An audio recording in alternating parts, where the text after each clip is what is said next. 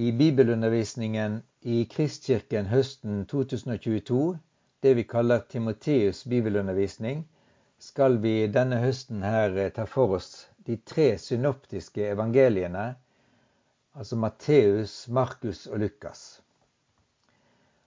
I denne første podkasten vil vi snakke om hva er de synoptiske evangeliene, og hvem er forfatterne, og hvem er de skrevet til? Først dette ordet synoptisk. Ordet er gresk og er sammensatt av synd, som betyr sammen, og optisk, som betyr syn. Vi kjenner begge disse greske ordene i mange andre sammenhenger, som symfoni, synergi, symmetri, synkope, og det andre er optiker, optisk fenomen osv. Når vi kaller evangelieskriften etter Matteus, Markus og Lukas for synoptiske, er det fordi de både i struktur, innhold og språk ligner på hverandre. Samtidig er det noen interessante forskjeller. Gjennom tidene har bibeltolkere forsøkt å finne svar på om det er én felles kilde for disse evangeliene, og den mest kjente teorien fra de siste århundrene snakker om en kukilde, av det tyske ordet for kilde, kelle. Vi kommer ikke til å være opptatt av dette spørsmålet, men den som er interessert i det, finner en mengde faglige artikler på internett. Vi, eh, vårt poeng i Timoteus' bibelundervisning er ikke å sette søkelys på ulike teorier om hvordan evangeliene ble til, hvilket som er det eldste osv., men å utvide vår forståelse av 1.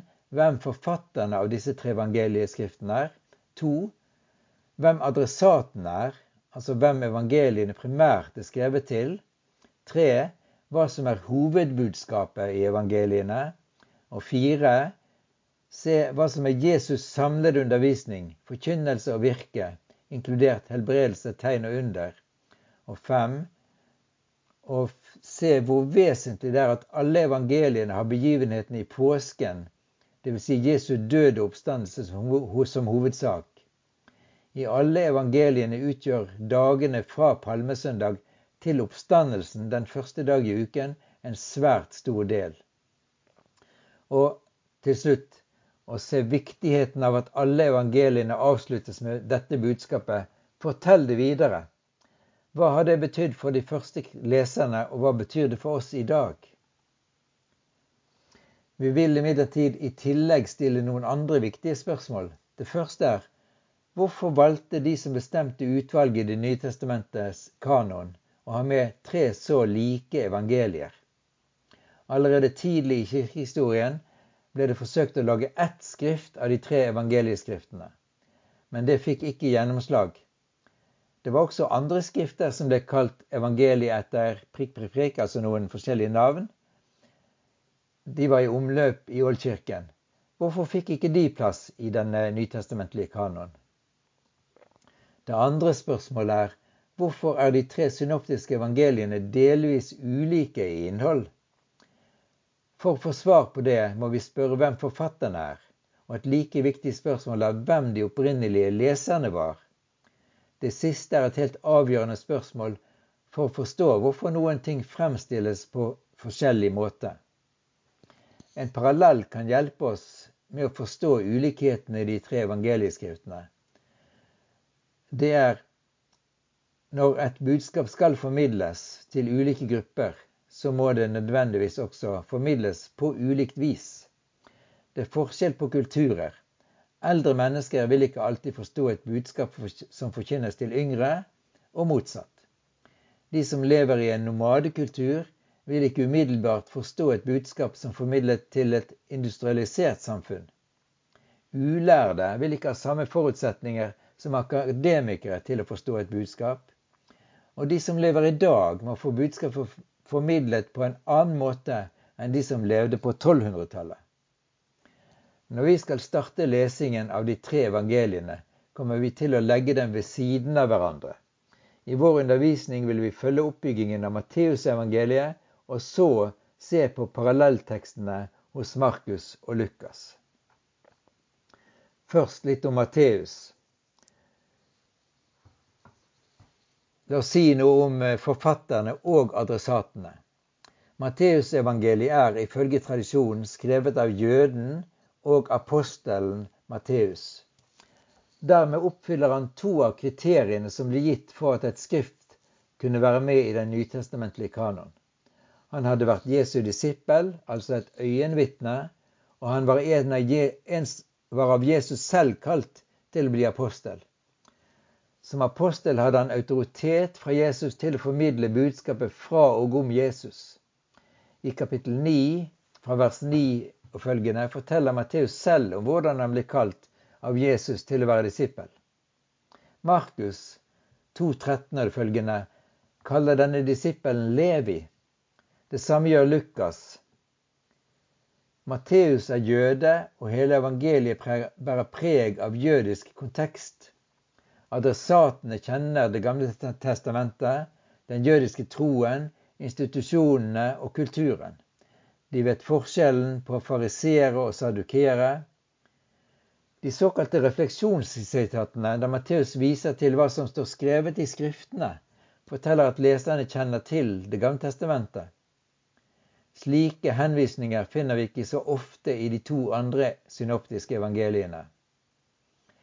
I kapittel 10 fra vers 1 og følgende står navnene på Jesu tolv apostler. Der skriver Matteus om seg selv som tolleren Matteus. Verken Markus eller Lukas er blant de tolv, men Johannes, som er forfatter av det fjerde evangeliet, er der. Det fjerde evangeliet er svært ulikt de er synoptiske. Den største likheten i alle de fire evangelieskriftene, altså inkludert Johannes, finner vi i beretningen om Jesus siste dager, påsken. Skal vi peke på hvem som er målgruppen for Matteusevangeliet, kan vi si at det er både katekumener som får opplæring i troen på Jesus, og menigheten som skal vokse i kristen tro og tenkning. Derfor er Matteusevangeliets katekisme, dvs. Si trosopplæring. Et veldig tydelig eksempel på dette er bergprekenen, der Jesus samler disiplene om seg, adskilt fra folkemengden. Jeg vil bare forklare dette ordet katekisme og katekumen. Det kommer fra det greske katekeo, som konkret betyr ringe i ørene, men i overført betydning betyr å undervise, dvs. Si muntlig, slik at det kan høre.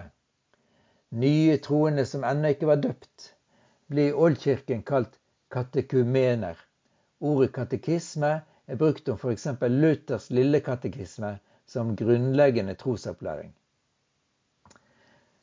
Kirkehistorien forteller at Matteus reiste vidt omkring og forkynte evangeliet først til jøder, dernest ifølge kirkefedrene i parternes rike, dvs. Si Makedonia og Syria. Han led trolig martyrdøden i Nadaba ved Det kaspiske hav i år 60. Dette kan du lese mer om i Stig Magne Heitmanns bok. Eh, derfor kan dere juble av glede. Og så til evangelisten Markus. Markusevangeliet er skrevet av en som ikke var apostel, men likevel hadde fått plass i den nytestamentlige kanon. De som besluttet hvilke skrifter som skulle være med, sa nemlig at skriftene måtte være skrevet av en apostel eller av et annet øyenvitne eller en disippel av en apostel. Markus har vært både øyenvitne og disippel av en apostel, ulikt Lukas, som verken var jøde eller personlig øyenvitne til Jesu liv. Markus er nevnt både i evangeliene, apostlenes gjerninger og i Paulusbrevene. I Markusevangeliet 1451 står det om en ung mann som var i følge med Jesus i Getsemanehagen, da Jesus ble arrestert.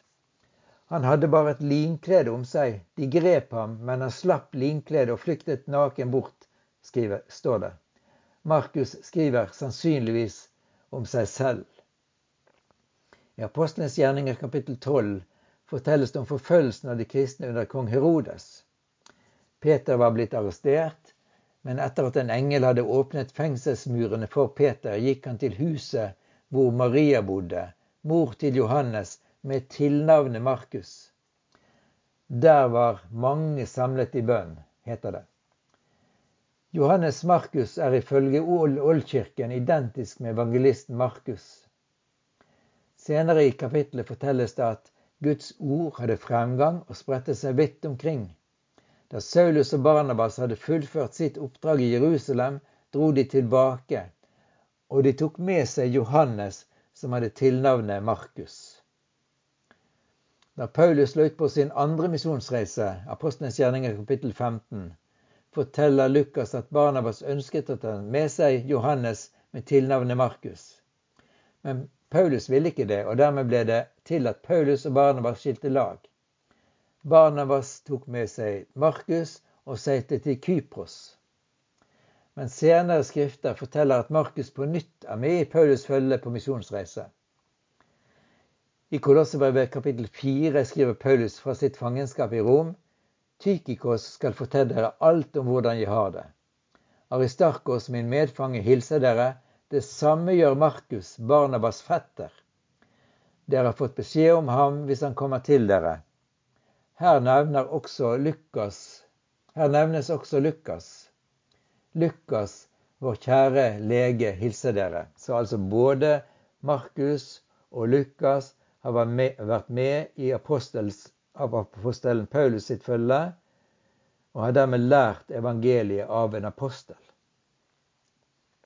I det siste brevet Paulus skrev før sitt martyrium i år 64, det andre brevet til Timoteus, skriver han 4.11.: Bare Lukas er hos meg. Ta Markus med deg når du kommer. Han er til stor hjelp for meg i tjenesten. Apostelen Peter skriver varmt om Markus 1. Peter 4,13. Deres søster i Babylon, dvs. Si Roma, sender sin hilsen, hun som er utvalgt sammen med dere. Det samme gjør Markus, min sønn. Både Paulus og Peter var i Roma da de led martyrdøden omtrent på samme tid. Markus har altså vært der sammen med dem.